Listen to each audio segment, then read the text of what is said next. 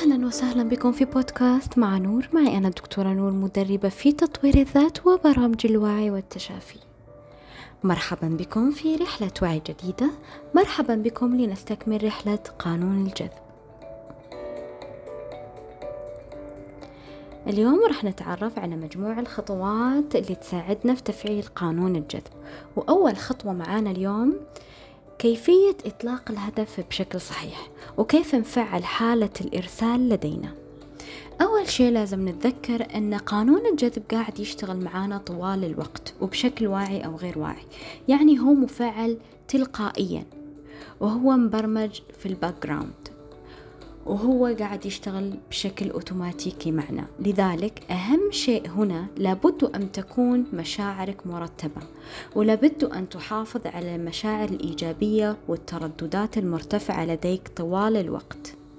حاول أن تجعل يومك كله إيجابي وكل الأفكار اللي تجيك وأفعالك إيجابية واحتك بالأشخاص الإيجابيين واللي عندهم وعي مرتفع ووعي إيجابي لأن قانون الجذب يشتغل أكثر في المشاعر الإيجابية. راح تقولي أن هناك مطبات آه، وهزات نفسية أحيانا. أقول لك صحيح كلنا نمر بظروف ومزاجات ونفسيات. ولكن لازم تكون شاطر وتعرف كيف بسرعة ترفع من طاقتك وتعودها أن كل ما جات مثل هالرسائل وهذه آه، النفسية دايما ترفعها إلى طاقة أعلى ومستوى وعي أعلى. لأن بكل بساطة قانون الجذب لن ينجح معك في طاقة منخفضة. ثاني شيء لازم تسأل نفسك ما هي الغاية الجوهرية؟ وما هي النية وراء آه هذا الهدف؟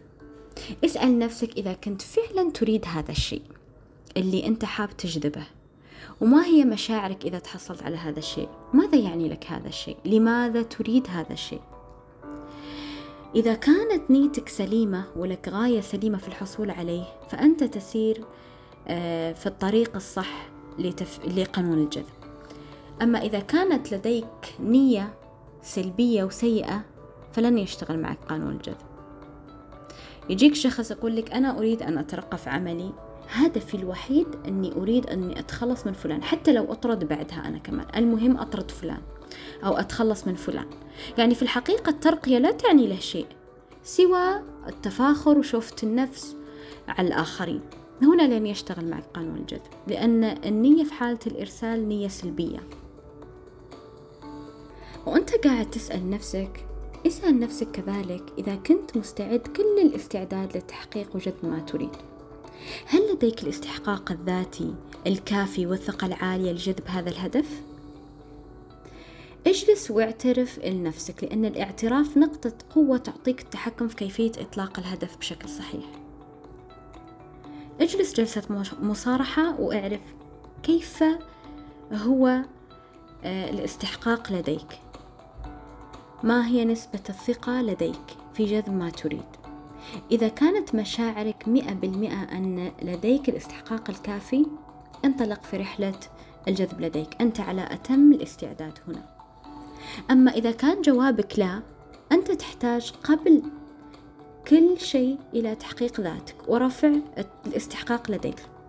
لابد أن تستحق كل ما تريد. اسمح لنفسك أن تشعر بأنك تستحق الكثير من الخير. اسمح لنفسك أنك تستحق آه، الكثير من النجاح والسعادة. أه وراح أقول لك أن ممكن ترجع إلى بودكاست الاستحقاق الذاتي لأنه راح يساعدك كثيرا في تحقيق هذه الخطوة.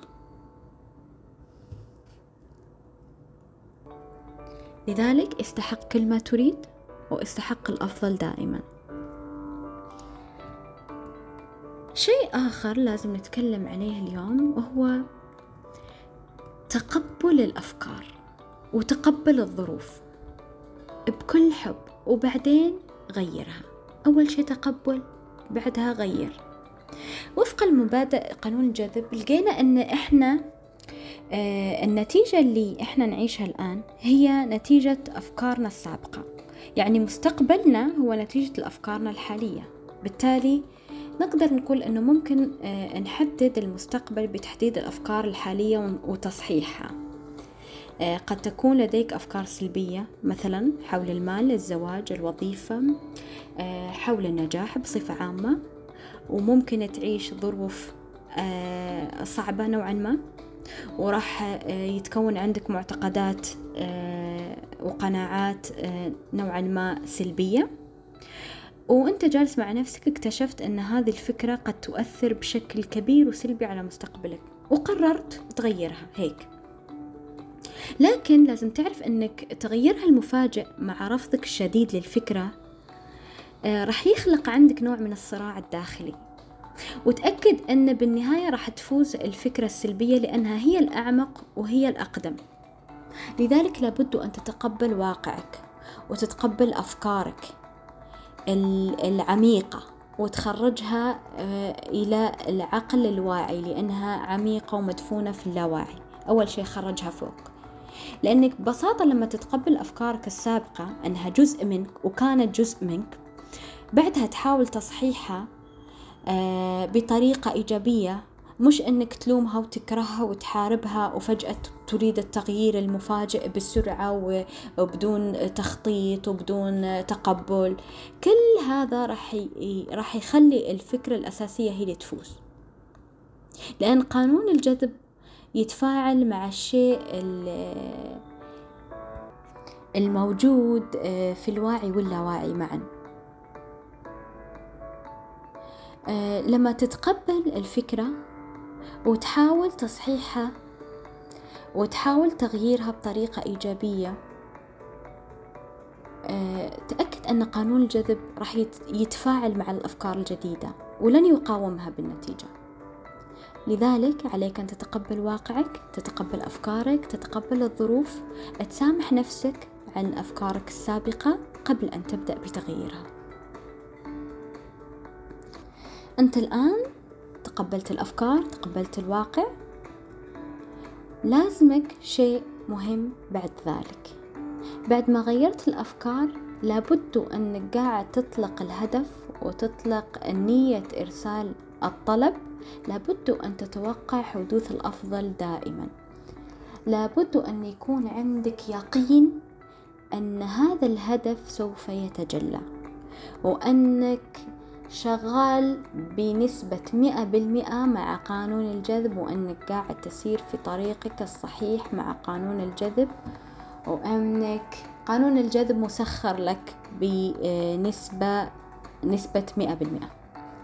يعني لازم تعرف أن كل فكرة تجيك لها تردد معين في الكون. وتوقعك لأي شيء ما راح يبث تردد سريع في الكون. لذلك عليك أن تتوقع دائما الأفضل. سبحان الله أحيانا الكثير من الأحيان نتوقع حدوث شيء ويجي. كم كم من مرة أنت جالس وتوقعت أن تليفون قاعد يرن وأنه فلان اتصل؟ بعد لحظات سبحان الله يرن الهاتف وفلان يتصل ويسأل عنك. آه هذا الشيء يشتغل معانا دائما. آه يشتغل معانا في الجذب والتخاطر وكثير من الأشياء. لذلك عليك أن تتوقع الأفضل دائما. اترك عنك التوقعات السلبية.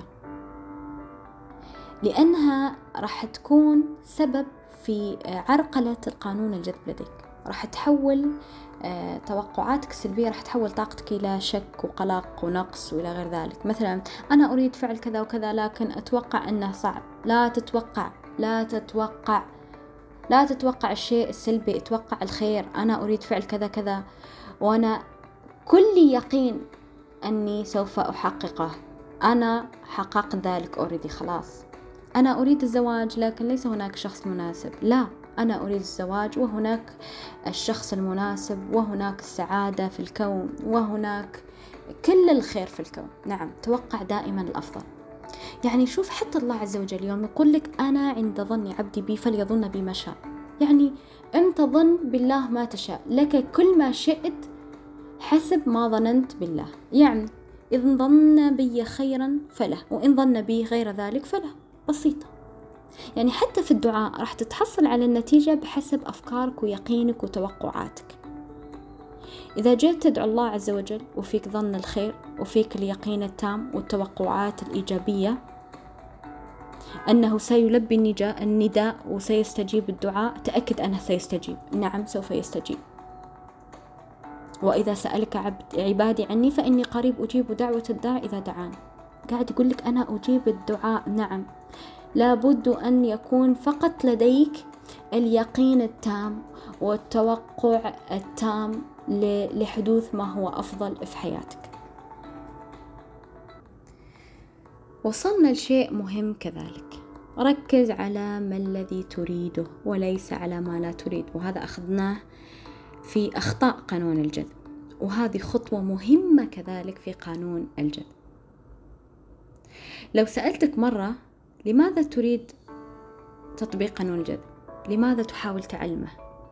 لماذا تريد تفعيله في حياتك؟ ماذا عن مستقبلك؟ راح تكون راح تقول لي أنا أريد أن أطبق قانون الجذب لأني لا أريد أن أكون فقيرا أنا لا أريد أن أفشل. أنا لا أريد أن أكون سيء الحظ. أنا لا أريد أن أعيش في بيت صغير ومتواضع. توقف عن هذا. الآن أنت قاعد تركز أكثر فأكثر على ما تكره مش على الشيء اللي تحبه. دون وعي منك ربما صحيح. ركز على الأشياء اللي قاعد أنت تريدها بصدق. لما تقول أنا لا أريد أن أكون فقيرا راح تجذب الكثير والمزيد من الفقر. راح تقول أنا لا أريد الفشل راح تجذب الفشل. لأن في الحقيقة كلمة لا لا لا لا, لا يفهمها العقل اللاواعي ولا يفهمها قانون الجذب. استبدل كلامك بالكلام الإيجابي المثبت. قل أنا سعيد لأنني غني. حتى لو ما كنت غني في الحقيقة. ما أنك ما أنك غني. قلها فقط. مجرد كلام. قلها. يقول لك fake it to make it. Fake it to make it. استشعر أنك غني في تلك اللحظة. قول أنا سعيد لأنني غني. وسوف تكون غني بإذن الله. أنا أنجح في جميع الاختبارات. أنا شخص محظوظ. أنا سعيد لأنني أعيش في بيت كبير كما أحب. اجذب هذه الطاقة الحلوة في حياتك. استبدل كل كلمة لا أريد بكلمة أريد. استبدل كل كلمة سلبية بكلمة إيجابية. استبدل كل كلمة منفية بكلمة مثبتة لأن العقل اللاواعي وقانون جذب لا يفهم كلمة لا. تعلمت الآن كيف ترسل صيغة الهدف أثناء إرسال الطلب. ولكن السؤال هنا هل حددت الهدف بشكل واضح ودقيق؟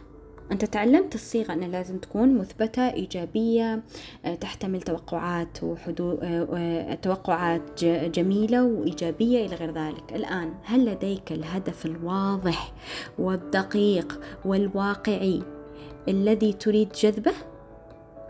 مثلا أنا وياك رحت المطعم أنا أعرف ماذا أريد من هذه القائمة الطعام وطلبت أما أنت قاعد أسألك ماذا تريد؟